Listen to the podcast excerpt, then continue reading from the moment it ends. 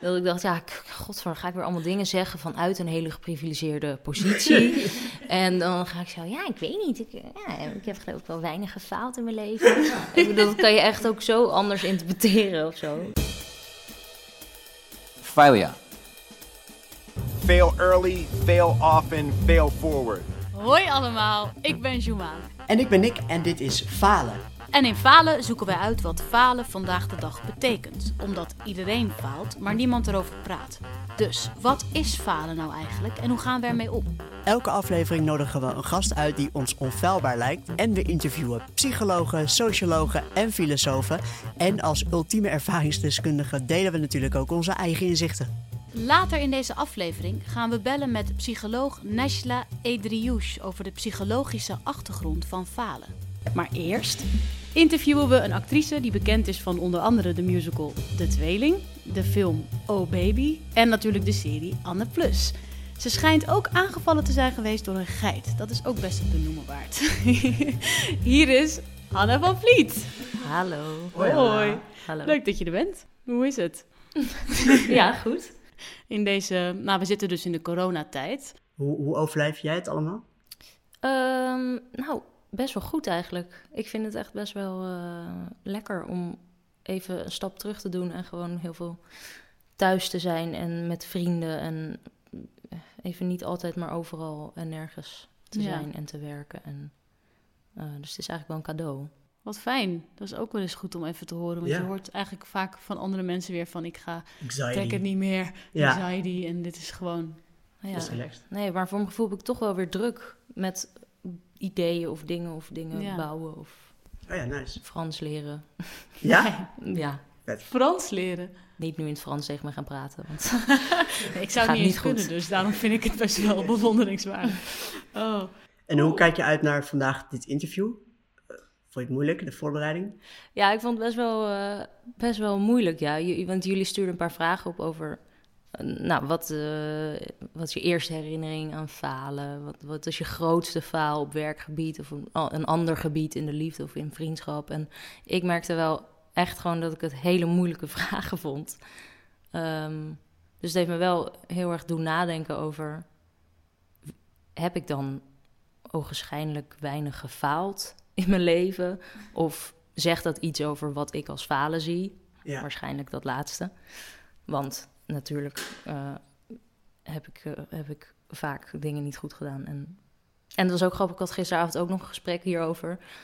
Over dat ik dus eigenlijk al zo, al zo bang ben om te falen in deze podcast. dat, ik, oh my god. dat ik het echt spannend vind of zo. Ja. Oh, maar wat, wat, wat ben je dan... Ik vind het gewoon... Ben je dan bang dat je dan gaat falen in de zin van dat je niet doet wat wij verwachten of zo? Of dat het meer is van... Nee, dat ik uiteindelijk dus kut overkom.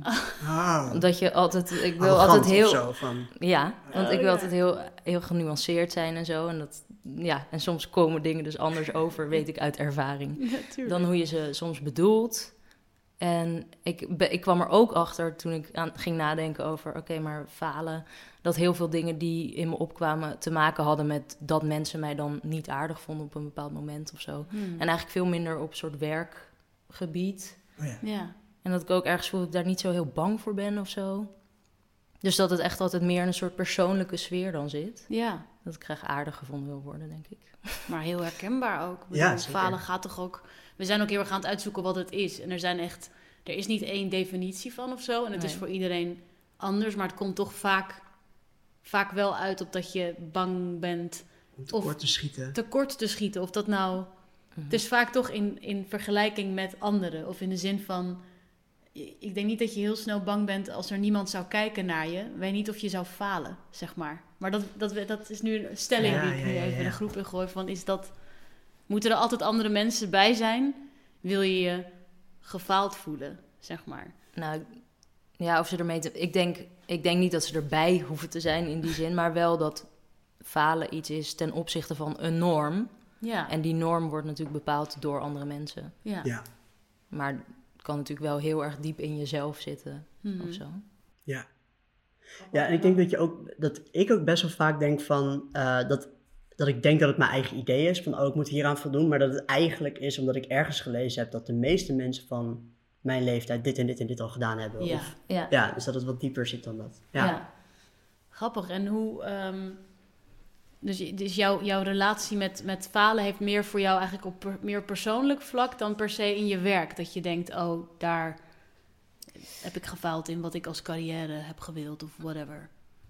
Ja, momenteel wel. Maar ik, ik realiseer me ook heel erg dat ik vanuit een super geprivilegeerde positie praat. Want ik ben gewoon best tevreden met mijn werk en het gaat goed. En ik doe dingen die ik leuk vind om te doen. En ik mag met mensen werken die ik leuk vind. Dus dat is natuurlijk, ja, De droom. Eigenlijk, ja, nee, eigenlijk wel echt. En natuurlijk zitten er soms dingen tegen, of zijn er ook andere dingen die ik ook heel graag wil doen, of doe ik een auditie waar ik totaal voor lul sta. En eh, dat is natuurlijk ook allemaal zo. Ja. Alleen, ja, dat hoort dan in mijn hoofd er een beetje bij. En dat zie ik dan niet zozeer als falen. Maar dat kan natuurlijk, dat kan ik zo bekijken, omdat ik vanuit een soort best comfortabele positie dat Mhm. kan zeggen. Ja, maar dan ga je dus best ook, zo klinkt het, gezond om met afwijzing die bij audities horen. En je zei net van dat je, het, ja, dat je wel heel graag aardig gevonden wil worden. En je liet net ook van dat je vrienden hebt. Heb je dan bij die vrienden, heb je dan bij die vrienden dat je ook af en toe nog steeds zo'n steek van onzekerheid voelt? Of is het dan als je binnen bent, ben je wel binnen en dan voel je je goed? Mm. Ja, het is grappig, want ik heb... Ik, ja, ik zou mezelf ook niet echt omschrijven als een heel onzeker iemand of zo. Of in sociale situaties. Of ik denk dat ik ook best op zich goed weet wie ik ben. Of wat mensen aan me hebben misschien. Maar dus als ik eenmaal... Ik bedoel, bij, me, bij mijn goede vrienden heb ik dat... Nou, ja, oh, moeilijk. Nee, ik heb dat natuurlijk niet zo, da- zo eh, de hele tijd. Nee, Maar soms als er gewoon een, als er echt iets moet, eh, even iets moet geregeld worden of iets moet gezegd worden of je hebt echt even iets van ze nodig, eh, zoals een auto lenen. maar dat je dan toch zo voelt, oeh, maar ik wil niet te dwingend zijn. Maar Oh ja, het, eh, dat- dat is niet belasten. ik wil ze niet belasten, nee. Nou ja. Ja, Ik zou het gewoon heel erg vinden. Want je, je weet toch wel dat mensen zo... Je, ja, je praat gewoon met mensen over andere mensen. En in mijn hoofd gebeurt dat dan nooit echt over jou per se. Ja. Zo van, nee, ja. Maar dat is natuurlijk wel zo. Dus andere mensen gaan ook zo... Jeetje, nou, wat, eh, wat, ze, wat ze toen zei. Of eh, Ja. Ja. oh, wat, wat ze toen heeft gedaan. Ik weet niet wat ik daarvan vind. ja. En wat is voor jou, als we dan toch, maakt niet uit op welk gebied, maar je kwam met een hele toffe eerste faalanekdote. Wat, wat was voor jou het eerste gevoel in je leven dat je dacht, oh, ik voel me nu echt een beetje... meh. Nou, het, het vroegste wat ik me kan herinneren... ging dus ook eigenlijk over dat iemand mij toen niet meer aardig vond. Ja. Dat was namelijk... ja, ik denk dat ik in groep drie of zo zat. Nou, echt, echt jong. Ja. En toen liep ik, eh, liepen we weg van, van de basisschool naar huis. En toen stootte ik per ongeluk het herfststukje van Willem Schulte uit zijn handen. Je zijn voor- en achternaam weet, is zo mooi. Willem, sorry. Ehm, en toen noemde hij mij Eikelin. Wat ik ook geweldig vind. Dat vind ik echt super. Maar goed, dat weet ik dus nog steeds. Dus dat heeft echt diepe indruk. Zo'n Echt- 24 jaar opgeslagen. of ja, zo. Oh, echt een, scratch in mijn ziel gemaakt. Hebben jullie het ooit goed gemaakt? Of is het daarna Willem nooit en ik. ja, jawel, nee, jawel. Hij was ook de broer van een van mijn beste vriendjes toen en zo. Dus nee, volgens mij zijn we wel weer oké. Maar, maar ik vond het wel heel grappig dat ik hier nu toch weer aan moest denken Ja. nu jullie dat vroegen. Ja. Want ja, gaat, ja, dat ging natuurlijk per ongeluk. Nee, maar dat zou Maar ja, dan toch... Hij had er wel heel veel werk in gestoken in dat herfststukje. En ja, Ja. hij vond het echt is niet leuk. niks. Maar vond je het vooral erg dat hij, eh dat hij Eikelin zei of dat je dat ding eh, vernield had? Nee, Eikelin. Ja, dat, dat is... Ja. Nee, want ja, Dat Zo is, ja, is gewoon een heel erg scheldwoord. Nee, maar... Nee, want ik denk dat als het was gebeurd en hij had dat niet erg... en hij had mij daardoor niet minder aardig gevonden... Ja, had ik gedacht, nou ja, het was ook per ongeluk. Eh, Ja. hij, het maakt niet uit. Ja. Maar dus het feit... Ja, wat boeit mij dat kerststukje van hem? Nou, niks natuurlijk. Herfst, herfststukje. Sorry, Willem. nee, maar het is toch wel grappig dat als hij dat niet had gezegd... dat het dan... Dus het gaat niet per se over de daad, maar over het oordeel of zo. Maar grappig genoeg heeft het dus altijd invloed op wat je dan van jezelf vindt. Want zo van wat iemand van je vindt, als dat een negatief oordeel is, dan kan dat zich ook vertalen in dat je dat dan ook van jezelf gaat vinden. Want je had ook scheid kunnen hebben en kunnen denken: ik ben helemaal geen eikelin. Ja, het was een ongeluk. Het was ja, een maar ongeluk. dat is toch nog twee verschillende dingen, denk ik. Want Ja? ik kon wel bij mezelf denken, maar ik ben geen eikelin. Want ja, eh, ik deed dat niet expres. Nee. Maar ik, ik vind gewoon erg dat hij dat vindt. Dus ik denk dat het soms nog moeilijk is, ook al, ook al weet je zelf van, nou dat is niet zo. Maar Mhm. om, om kritiek te krijgen of om ja, Ja. kut gevonden te worden. Ja. Ja. Ook al weet je zelf, nou het valt echt wel mee. ja. Dat is juist een soort machteloosheid, denk ik ook, waar je die, die eng is of zo. Daar, waar, je, waar je geen invloed op hebt eigenlijk. Ja, dat je voelt, Ja. hé, maar ik ben het niet, maar jullie denken het wel. Maar Ja. Ja. hoe, hoe kom ik daar nu dan nog uit? Want dan kan je eigenlijk ook niet meer verdedigen of zo. Nee. Ja. En Han, jij had ook een, eh, een, een hele interessante faal op werkgebied. Ja, Waar je verder normaal eigenlijk wat je zegt niet per se last van hebt. Maar dit was dan een soort, dit was wel, eh, kan je dat vertellen met, voor ons? ja. Ehm, maar dit was dus ook wel op de scheidslijn van werkgebied en persoonlijk eigenlijk. Want eigenlijk ging het over een persoonlijkheidsding uiteindelijk. Ja. Ehm, dat was toen ik, toen ik net van school was eigenlijk. Toen speelde ik een van de hoofdrollen in De Tweeling... in een grote musical van Stage Entertainment. Ehm, dus dat was natuurlijk een enorm circus waar ik ineens in terecht kwam... Ehm, wat, he- wat echt super leuk was en ook heel zwaar, want je speelt zeven keer in de week, je repeteert zes dagen per week, gewoon van tien tot zeven, weet je wel. Het is gewoon echt best wel een, een harde wereld of zo. Ehm, en toen werden wij eh, gevolgd door een programma dat heette Bloed, Zweet en Spotlights van de Avrotros. Heel leuk programma. Die hadden ook andere series gemaakt over het eh, Nationaal Ballet en over een orkest. En, eh, ehm, dus ik, ik had daar ook heel erg naar uitgekeken. Van, dat vond ik echt leuk dat zij een docu-serie gingen maken. En dan volgden ze mensen uit, het, uit de musicalwereld. Ja. Waar ik dan ineens dus toe behoorde. Terwijl ik wist natuurlijk eigenlijk niks van die wereld. Want ik, ja, ik kwam daar ineens terecht. Ik Ja. had al het half jaar daarvoor Pippi Lankhuis gespeeld in een musical. Maar dat was het echt of zo. Op de, Ja. op de toneelschool was die cultuur er eigenlijk niet echt. Het, ja, Super gescheiden eigenlijk. ja, eigenlijk echt raar is dat ook. Maar- Ja. en die tweeling ging dus over, ja, de tweeling, het boek en, en, en de film, dus over twee zusjes die apart van elkaar opgroeien en in de oorlog eh, trouwt de een met een NSB'er en de ander met een Joodse jongen. En dan Oh, komen ja. ze elkaar weer tegen en dan moeten ze ja, daarmee dealen of zo. Eh, dus het was best wel beladen allemaal en het was gewoon spannend. En, nou, Ja. Dus het was gewoon echt best wel een heftig werkproces. Ehm, maar ook heel leuk. Maar je ziet gewoon dan in die serie natuurlijk... Ja, dat is natuurlijk ook geëdit. En Ja. dat, dus daar zie je gewoon, als je het achter elkaar ziet... zag ik ineens een heel serieus iemand... Terwijl ik beschouw mezelf ook weer niet zo als een serieus iemand of zo. Maar ik zag zo'n soort heel serieus, heel jong iemand die, die heel hard aan het werk was en, eh, en kritisch op, op, eh, ja, op van alles en nog wat eigenlijk. En ik, dat vind ik ook nog steeds goed. Ik bedoel, dat, ja, dat is denk ik ook een onderdeel van als je een maker bent of zo. Tuurlijk. Ja, Ehm, eerlijk. Ook. En eerlijk ook, ja. Ja, eerlijk, toch. Misschien een beetje ongenuanceerd. Ehm, en het was ook gewoon eigenlijk mijn eerste ervaring met media ook. Want Mm.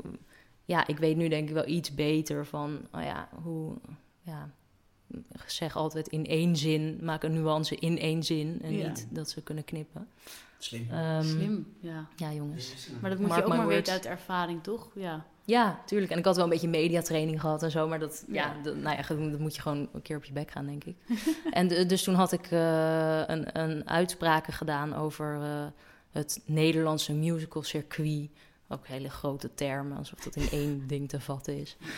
Ehm, en dat ik, eh, dat ik vond dat er over het algemeen zo slecht werd gespeeld. En wel heel goed gedanst en gezongen. En dat was geloof ik ook uitgeknipt dat ik die nuance nog maakte. Dus je zag gewoon een soort jonge, hele serieuze actrice. Iemand die zichzelf heel serieus neemt. Die dan zegt, eh, er wordt slecht gespeeld in Nederlandse musicals. Punt. Oh. Nou, natuurlijk kreeg Ja. ik eh, daar heel veel kritiek op van de hele musicalwereld. Ja. Om dat nog maar een keer als één geheel te... Ja, schim er lekker over één kan. Ja. Nee, nou, waarschijnlijk viel het ook zelfs wel mee, maar in mijn hoofd was natuurlijk Oh ja. gewoon iedereen heel erg boos op mij.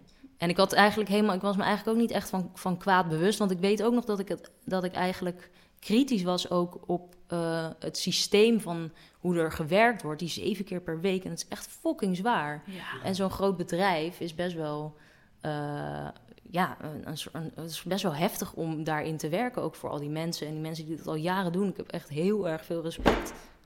Heel veel respect daarvoor. Ja. Ehm, dus ik dacht ook, oh ja, maar ik zie niet per se mijn toekomst in de musical, want daar kan ik helemaal niet goed genoeg voor zingen, bijvoorbeeld, of voor dansen.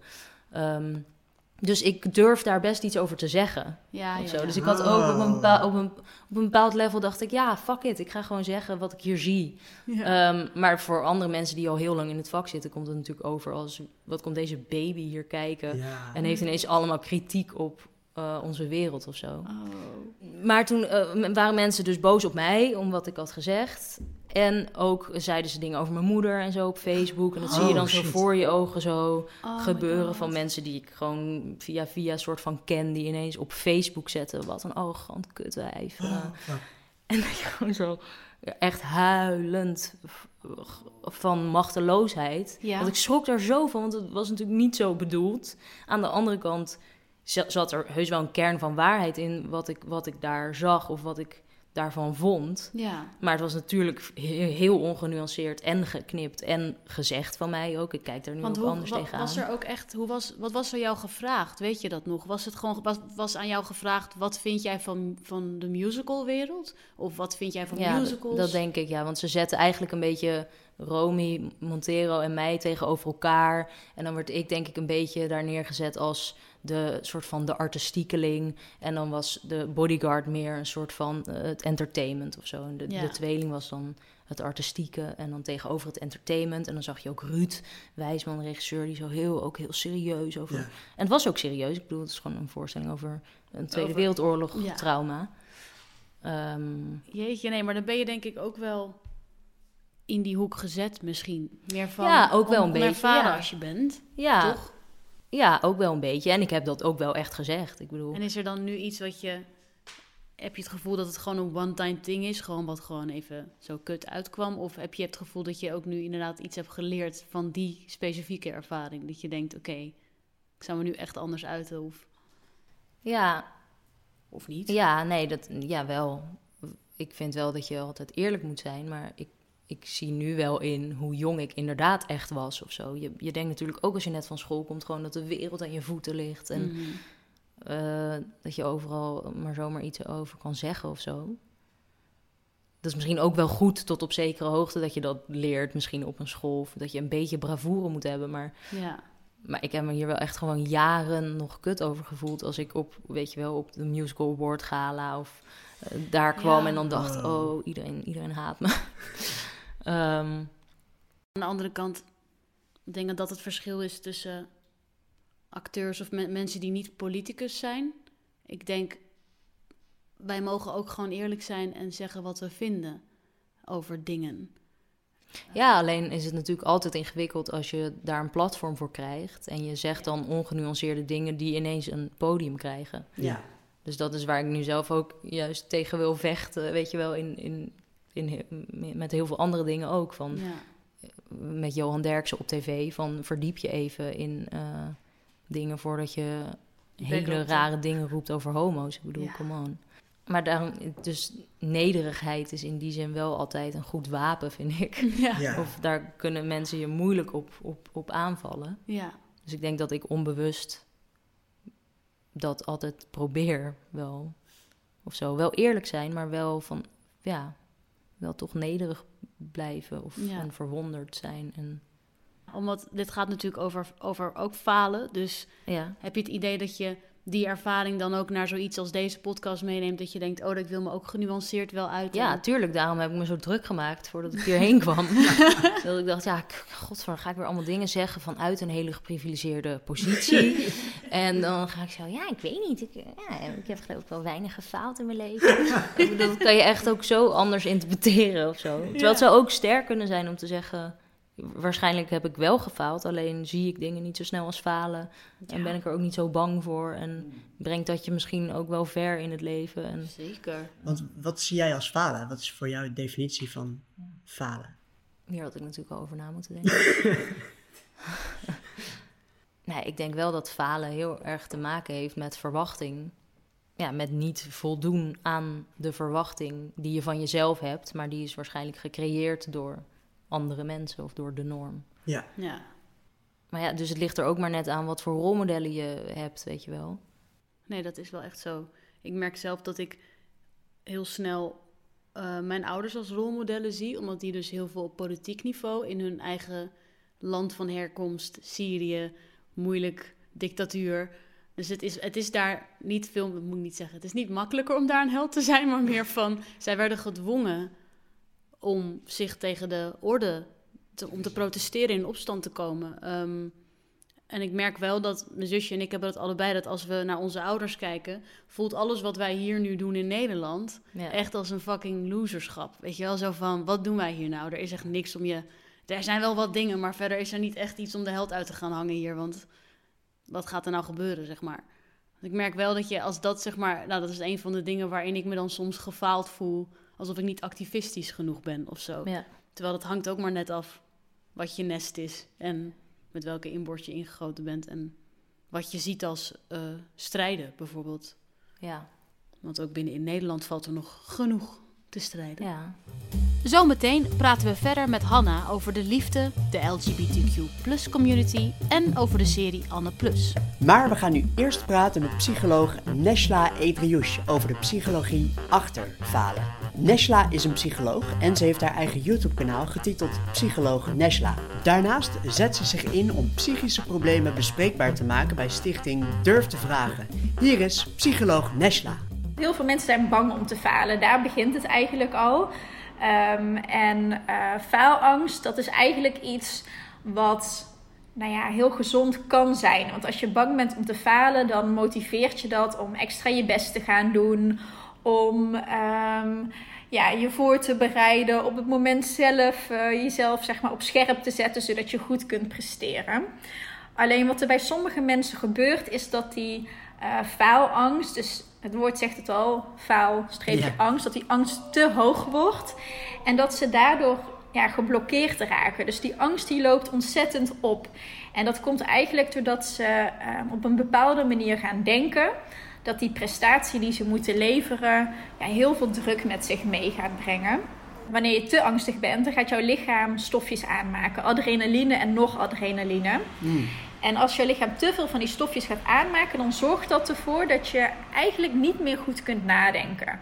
Dus ehm, ja, dan kun je last krijgen van eh, klamme handen, van hartkloppingen.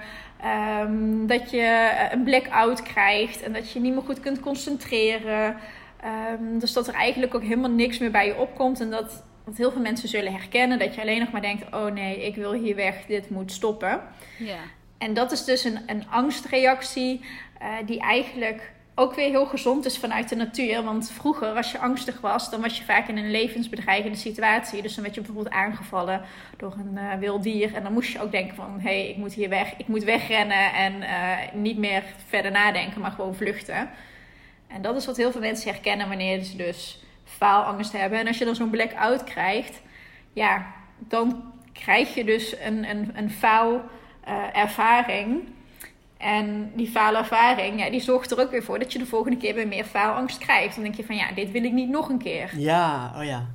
Oh ja. En Ja. die negatieve gedachte van, oh, de vorige keer ging het mis, die levert dan weer angst op. En dan heb je de volgende keer misschien weer angst. En weer diezelfde angstreactie en weer die stofjes. En dan kom je in zo'n cirkeltje terecht. Van faal naar faal naar faalervaring. En hoe doorbreek je dan zo'n cirkel bijvoorbeeld? Nou ja, het is dus heel belangrijk dat je heel erg bewust bent van de gedachten die je van tevoren hebt. Dus eh, gedachten, dat is iets wat je, wat je kunt eh, sturen. Dus de angstige gedachten, zoals dat wij dat binnen de psychologie noemen, die bijvoorbeeld vaak voorkomen bij faalangst, is van, oh, de vorige keer ging, ging het mis, dus nu zal het ook misgaan. Of ik kan dit niet, of het moet nu lukken. Hè? De mensen die ook de druk bij zichzelf Ja. opleggen. Ehm, of andere mensen verwachten van mij dat het nu lukt. Dat je die gedachten eigenlijk onder de loep neemt en dat je daar helpende gedachten tegenover zet. En die gedachten moet je eigenlijk al wat van tevoren ehm, bedenken. Want op het moment dat je zo'n blackout hebt, ja, dat, dan is het moeilijk om op die gedachten te komen. Dus je moet die blackout voorkomen door helpende gedachten er tegenover te zetten. Oh ja. Dus het is geen ramp als ik nu faal, want ik kan nog een herkansing doen. Of uh, ik ga het gewoon proberen. Of mensen uh, houden ook nog van mij op het moment uh, dat ik er vaker over moet doen dan één keer om deze toets te halen. Dus eigenlijk dingen tegen jezelf zeggen wat die druk om te presteren en ja, die, die beoordelingsdruk die er ook aan vasthangt te verminderen. We zijn natuurlijk heel erg aan het uitzoeken wat, wat falen precies is. En is het volgens jou alleen maar komt het het meest naar voren als er een soort test aan tevoren, van tevoren komt? Of kan je je ook als mens gefaald voelen, weet ik veel, in de liefde of uh, in je werk? Of... Ja, als we naar faalangst kijken, dan weten we dat het echt samenhangt met dus die druk om te presteren en het gevoel dat je beoordeeld wordt. Um, maar ik weet bijvoorbeeld ook als ik naar mijn eigen cliënten kijk, uh, dat ze bijvoorbeeld qua persoon heel erg perfectionistisch zijn. Oh, ja. En dat ze bijvoorbeeld van zichzelf vinden dat ze uh, gefaald hebben, terwijl ze eigenlijk wel weten dat hun omgeving misschien wel trots op hun is. Um, maar ja, dus dat ze toch wel hoge eisen ook weer aan zichzelf uh, stellen. Um, maar dan heb, dan heb je dus ook nog steeds wel die druk om te presteren, hè, waar ik het dus eerder over had. En die druk om te presteren, die kan ook in een relatie zitten, of in een vriendschap, of um, in bijvoorbeeld uh, een, een sport. En we leven nu ook wel in een maatschappij waar we ook wel continu uh, geneigd zijn om onszelf die druk op te leggen om te presteren op allerlei vlakken. Bijvoorbeeld als ik mensen nu uh, tijdens corona zie die allerlei nieuwe hobby's gaan oppakken omdat ze zich vervelen, dan is het van, oh, ik ga lekker recreatief voor de fun uh, hardlopen of lekker iets bakken. Nee, dan moet het ook echt van, ik ga voor de vijf kilometer. En als ik die gehad heb, dan moet het tien worden. En uh, dan moet het ja, ik ben hier echt heel erg betrapt. ja, heel ja. Holland bakt baksel zijn. Ja, in plaats van dat ze gewoon dan denken van ja, ik ga gewoon eens lekker lopen om te lopen. En ja, heel leuk als ik uiteindelijk die vijf kilometer behaal. En misschien ga ik dat volhouden in plaats van dat dan weer het volgende doel komt. Ja. Ehm, ja. En daar wil ik niet mee zeggen dat het dus niet goed is om doelen voor jezelf te stellen. Want ik zeg al, hè, gezonde spanning en uh, doelen kunnen er ook voor zorgen dat je jezelf ontwikkelt. Maar we leven denk ik wel een beetje in een soort van maakbaarheidsmaatschappij waar we wat kunnen doorslaan in het altijd maar willen van beter en meer en presteren. Ja. En, uh, je zei in het begin van het gesprek dat het gevoel van falen ook positief kan zijn. Want ik snap dat, uh, ja, dat spanning voor de daad, van of het een presentatie is, of dat dat, dat iets goeds kan meegeven voor een sportactiviteit. Maar daarna, het gevoel van falen heeft eigenlijk helemaal geen nut, toch? Of, of kan het wel een positieve nut hebben? Nou ja, wat doe jij als je gefaald hebt? Dan ga je denk ik reflecteren uh, wat dat er mis is gegaan, wat beter had gekund, wat anders had gekund, hoe je het de volgende keer wilt gaan aanpakken. Dus het is ook een reflectiemoment waarin je uh, daar ook weer een persoonlijke ontwikkeling kunt uithalen. Oh ja. Um, waardoor je de volgende keer ook weer dingen op nieuwe en andere manieren gaat proberen. Ja. Stel je voor hoe jouw leven geweest was als je nog nooit ergens ingefaald had en alles perfect was. ik denk dat je vrij stil was komen te staan als persoon en wie dat je bent. Ja, enorm. Ja, absoluut. Ja, tenzij het natuurlijk overslaat en dat je erin gaat hangen en dus dat het inderdaad zich vertaalt naar heel streng, wat jij net benoemt, heel streng naar jezelf toe uh, worden. Ja dat zou dan zeg maar de negatieve uitkomst zijn, toch? Van, van falen. Dat je daar heel erg in blijft hangen en dat je denkt, ik ben een faal. ja, we hebben dus allemaal een innerlijke criticus. En dat is eigenlijk dat stemmetje wat dan tegen je zegt van dit moet beter, anders of uh, uh, mooier, nou ja, noem maar wat. En um, die innerlijke criticus is dus heel gezond, want die zorgt er dus voor dat je je ontwikkelt. Maar die kan ook soms wel doorslaan. En dan helpt het ook om bij jezelf te denken van oké, um, hoe ik nu tegen mezelf praat of hoe kritisch ik nu richting mezelf ben, zou ik dat ook zijn richting andere mensen oh waar ik heel veel van houd? Zou ik dan dit ook zeggen? En dan, als ik, ik betrap mezelf er bijvoorbeeld, maar ook mijn cliënten wel vaak op dat ik dan echt dingen tegen mezelf kan zeggen die ik nooit tegen iemand van wie ik houd zou zeggen. Maar dat ik misschien wel diezelfde boodschap ehm, zou overbrengen, maar op een veel mildere en zachtaardigere manier. Oh ja. En dat is ook als je met een vriend of Ja. vriendin praat. hè, die helpende gedachten waar ik eerder al het al over had. Dat zijn eigenlijk de, de dingen die je dan zegt, die je tegen jezelf moet zeggen. Dat zijn vaak al de helpende gedachten. Ja, goeie. Nou, echt heel erg bedankt dat je met ons wilde praten. Ja, Bedankt dat ik hier mocht, eh, aan deel mocht nemen. Ik vond het heel leuk. En met deze extra kennis over de psychologie achter falen is het tijd om weer terug te keren bij onze hoofdgast Hanna van Vliet. je speelt natuurlijk in Anne Plus, Mhm.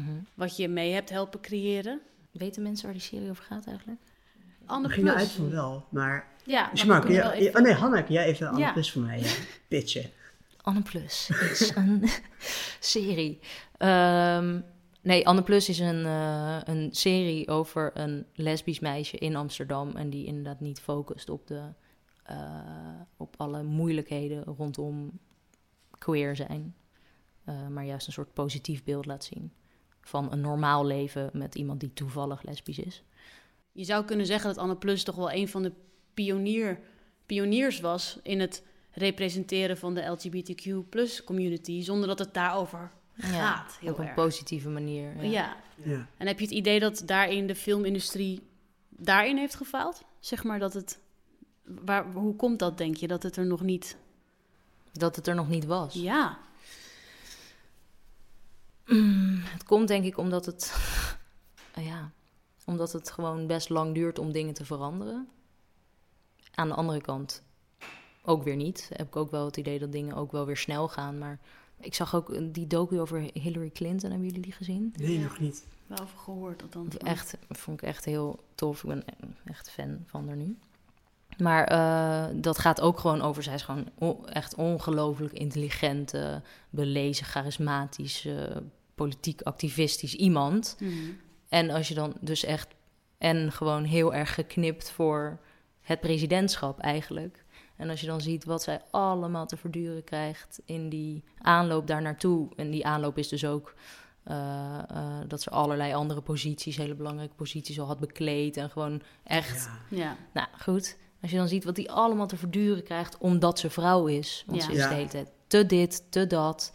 Te veel lachen, te weinig lachen.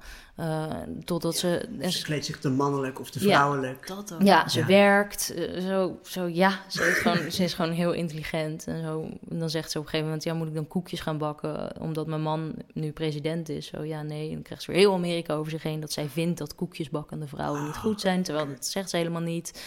Nou ja, eh, wat zou ik hier nu mee zeggen? Oh ja, en dat ze dan dus. Dus je wordt helemaal gek gewoon als je het kijkt, omdat je denkt: Oh, wat krijg je veel over je heen? En dan verliest ze de verkiezingen van Trump, notabene.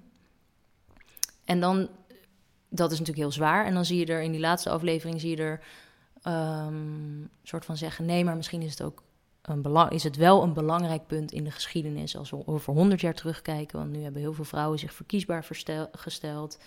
Dat is natuurlijk zo. Maar dat ik ook zo kwaad achter die computer zat. Je, zo, je ziet toch waarom... Nee, niet over honderd jaar, gewoon nu. Ja. Je ziet toch hoe, ja. eh, Absurd. nou ja, goed. Ja. Hè, hoe kom ik hier nou op? Nou, op, nou, we hebben het natuurlijk over activisme en over beeldvorming. Dus dan heb je het over En over veranderingen. Of het... in dat het film, in de filmindustrie faalt op heel veel ja. vlakken.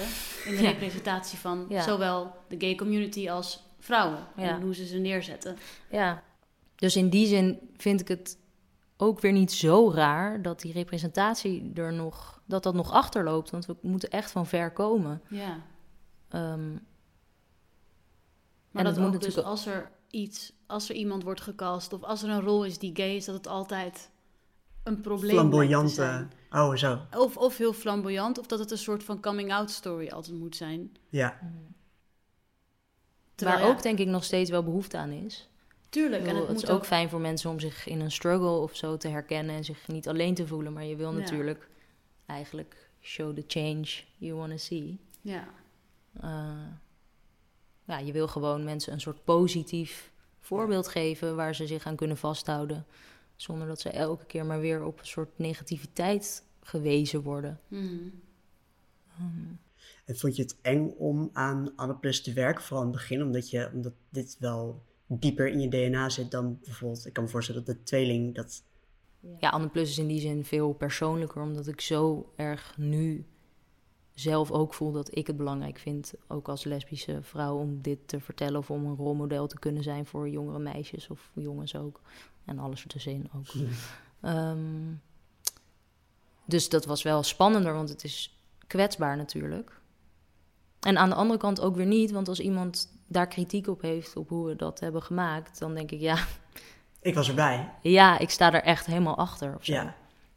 Dus ja, maar het was natuurlijk, ja, nee, tuurlijk is het spannend om je nek uit te steken en om, om te zeggen, dit moet gemaakt worden en om je vervolgens in elk, eh, in elk interview te moeten uitspreken over je eigen seksualiteit. En. Ja. Ja. Dat is een hele rare paradox, dat je zeg maar om iets te normaliseren, moet je de hele tijd jezelf, en ook Valerie en Mouten, de schrijver en de regisseur, de hele tijd moeten we onszelf in dat hokje van lesbiennes plaatsen Ja. om te zeggen, het is normaal. Ja. Maar kreeg je veel, eh, veel over je heen toen met Anne Plus net begon en dat het echt... eh, Nee, helemaal niks. wat vet. Ja, ik was.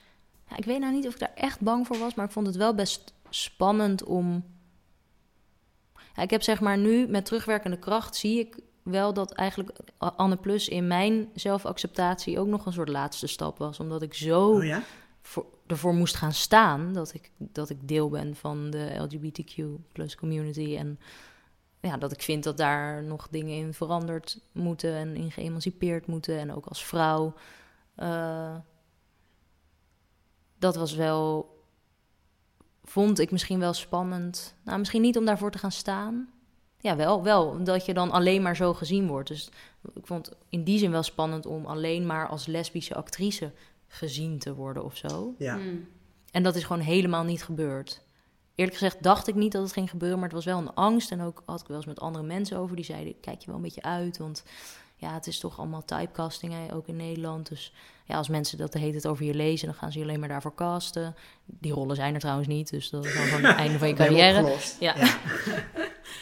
Maar dat is gewoon echt, heeft zich nu ook bewezen dat het helemaal niet zo is. Want Anne Plus heeft me echt alleen maar heel veel toffe dingen opgeleverd. En gewoon juist dat de makers die ik interessant vind, soms naar je toe komen en zeggen van... hé, hey, ja, zullen we iets doen? Of, ehm, dus in die zin was het wel echt een, een les of zo, of een goede les in, zie je wel.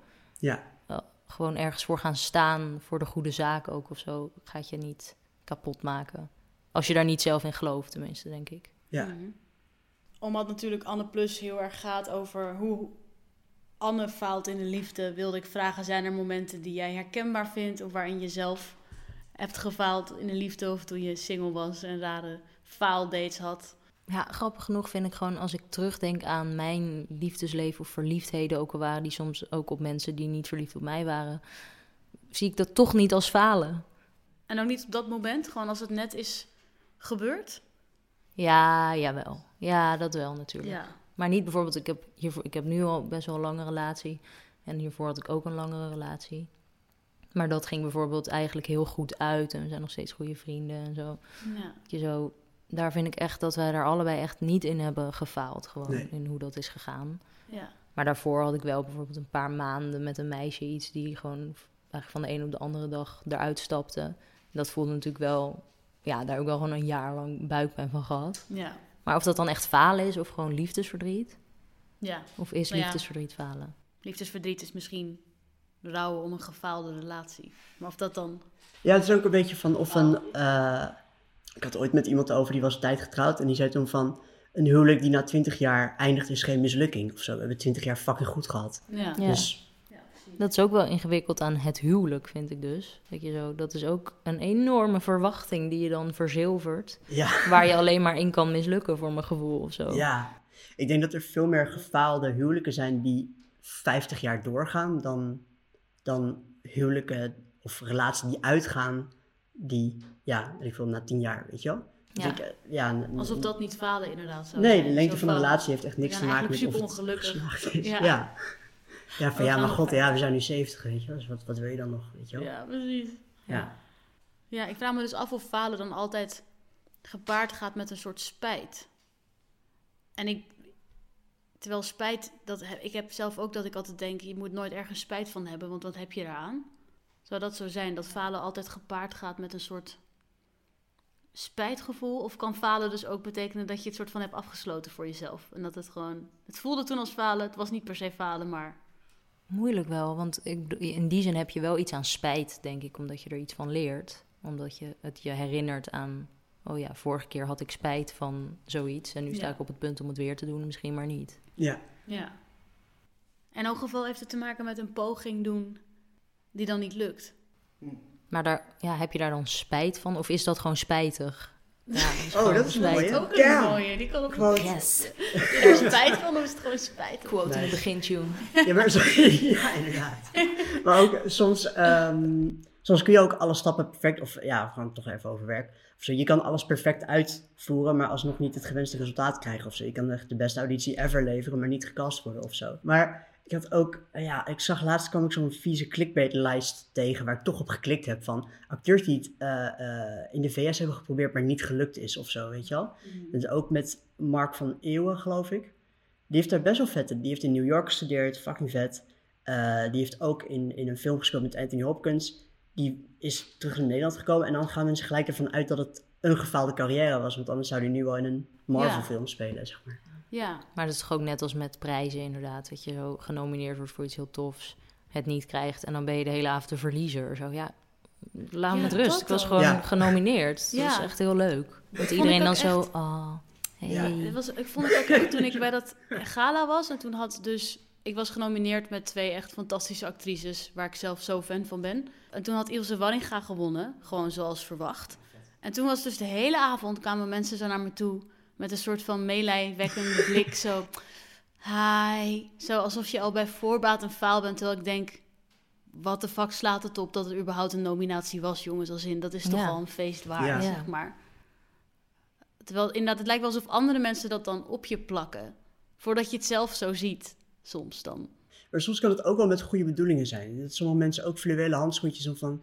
Nou, ik kan me voorstellen dat ze misschien het kut vinden, misschien niet. Weet je wat, ik ga ervan uit. Doe voor Ja. de voorzichtigheid even... Ja, Hey. dat je teleurgesteld bent. Ja. En het is toch grappig dat er blijkbaar wordt gegeild op een soort rise and fall of the hero. Dat als er eenmaal iemand op een pedestal staat, dan willen we die zo snel mogelijk er weer af laten donderen. Maar, ook, maar dat vind ik ook wel heel Nederlands bijvoorbeeld. Ja. En Ja? minder Amerikaans eigenlijk, toch? In Amerika Ja? kun- heb ik wel het gevoel dat de cultuur veel beter zo mensen kan laten shinen en zo. Hier in Nederland is het Ja. toch wel, doe maar normaal, doe je al gek genoeg en niet, je, niet boven het eh korenveld. Ja, Maaiveld? Maaiveld. Ja, Met een veld. Whatever. ja, zoek hem zo op en neem deze zin opnieuw. ja, goed. Ja. Maar de- die cultuur is hier ook wel een beetje van, nou, niet naast je schoenen gaan lopen hoor. Oh ja, ga je naar Amerika? Nou, Ja, eh, succes. ja, is dat zo? hoog, Zoiets niet te hoog een- van de toren blazen. Maar ik weet niet of het, of het een soort van Nederlandse nuchterheid is, maar het is ook Nederlands kut, vind ik. Zeg maar. het, is ook, het gaat wel vaak van boven naar beneden van, hé, hey, eh, word niet te arrogant. Hè. Het is niet andersom van, oh, je denkt wel laag van jezelf. Kom op, een beetje Nederlandse nuchterheid erin, je, je redt het wel. Dat, Ja. dat heb ik weinig gehoord, zeg maar. Het is wel vaker inderdaad van, oh, je wil naar Amerika. Oh, is, vind je Nederlands films en tv niet goed genoeg? Is dat het soms, weet je wel? Ja. Ja, en dat is ook wat, wat ons soms klein houdt, vind ik. Want er beheerst ook een soort idee over, inderdaad, dat Nederlandse film en tv niet zoveel voorstelt. Terwijl, dat is echt bullshit. We hebben allemaal hele toffe makers. Zeker. Maar als, zo- zolang iedereen dat allemaal maar volhoudt en vanuit bescheidenheid misschien of zo Ja. gaat zeggen van... eh, nee, wie zijn wij nou? We hebben een klein landje, geen budget. Ja, dan kom je nooit ergens natuurlijk. Nee. Nee. De zesjescultuur in alle opzichten. Ja, We hebben eigenlijk niet eens genoemd dat Shaman ook in Anne Plus speelt, Ja. volgens mij. Dus hoe is dat voor jullie, om nu elkaar in de podcast tegenover elkaar te staan? Jullie- Eh. die eigenlijk Lovers speelde. Ja, ja, Ik ben zo in de war nu. Oh, ja, nu heeft Sarah een podcast, als het ware. Want in Ja. de serie heeft Anne een podcast. ja. Waarin ze schrijvers interviewt. Wat grappig, ja. Ja. Nee, ik vind het heel leuk, maar het was meer... Ja, je, je- ik weet hoe, hoe chill Hanna is. En eh, was grappig als je zo'n lijst maakt. Als, je, als wij een lijst maken met mensen die, die we dus willen interviewen over falen... kan het overkomen van... Jij bent vast iemand die daar heel veel verstand van heeft. Ja. Maar het is juist mensen die Makkelijk onfeilbaar lijken, wat we al benoemen. Mensen die gewoon... Ja, En dus ook eh, iemand die dat wel met ons dan aandurft. Hoe spannend ook. En hoe, hoe, hoe erg je ook een avond van tevoren denkt... oh god, wat ga ik zeggen? wat ik me heel goed kan voorstellen.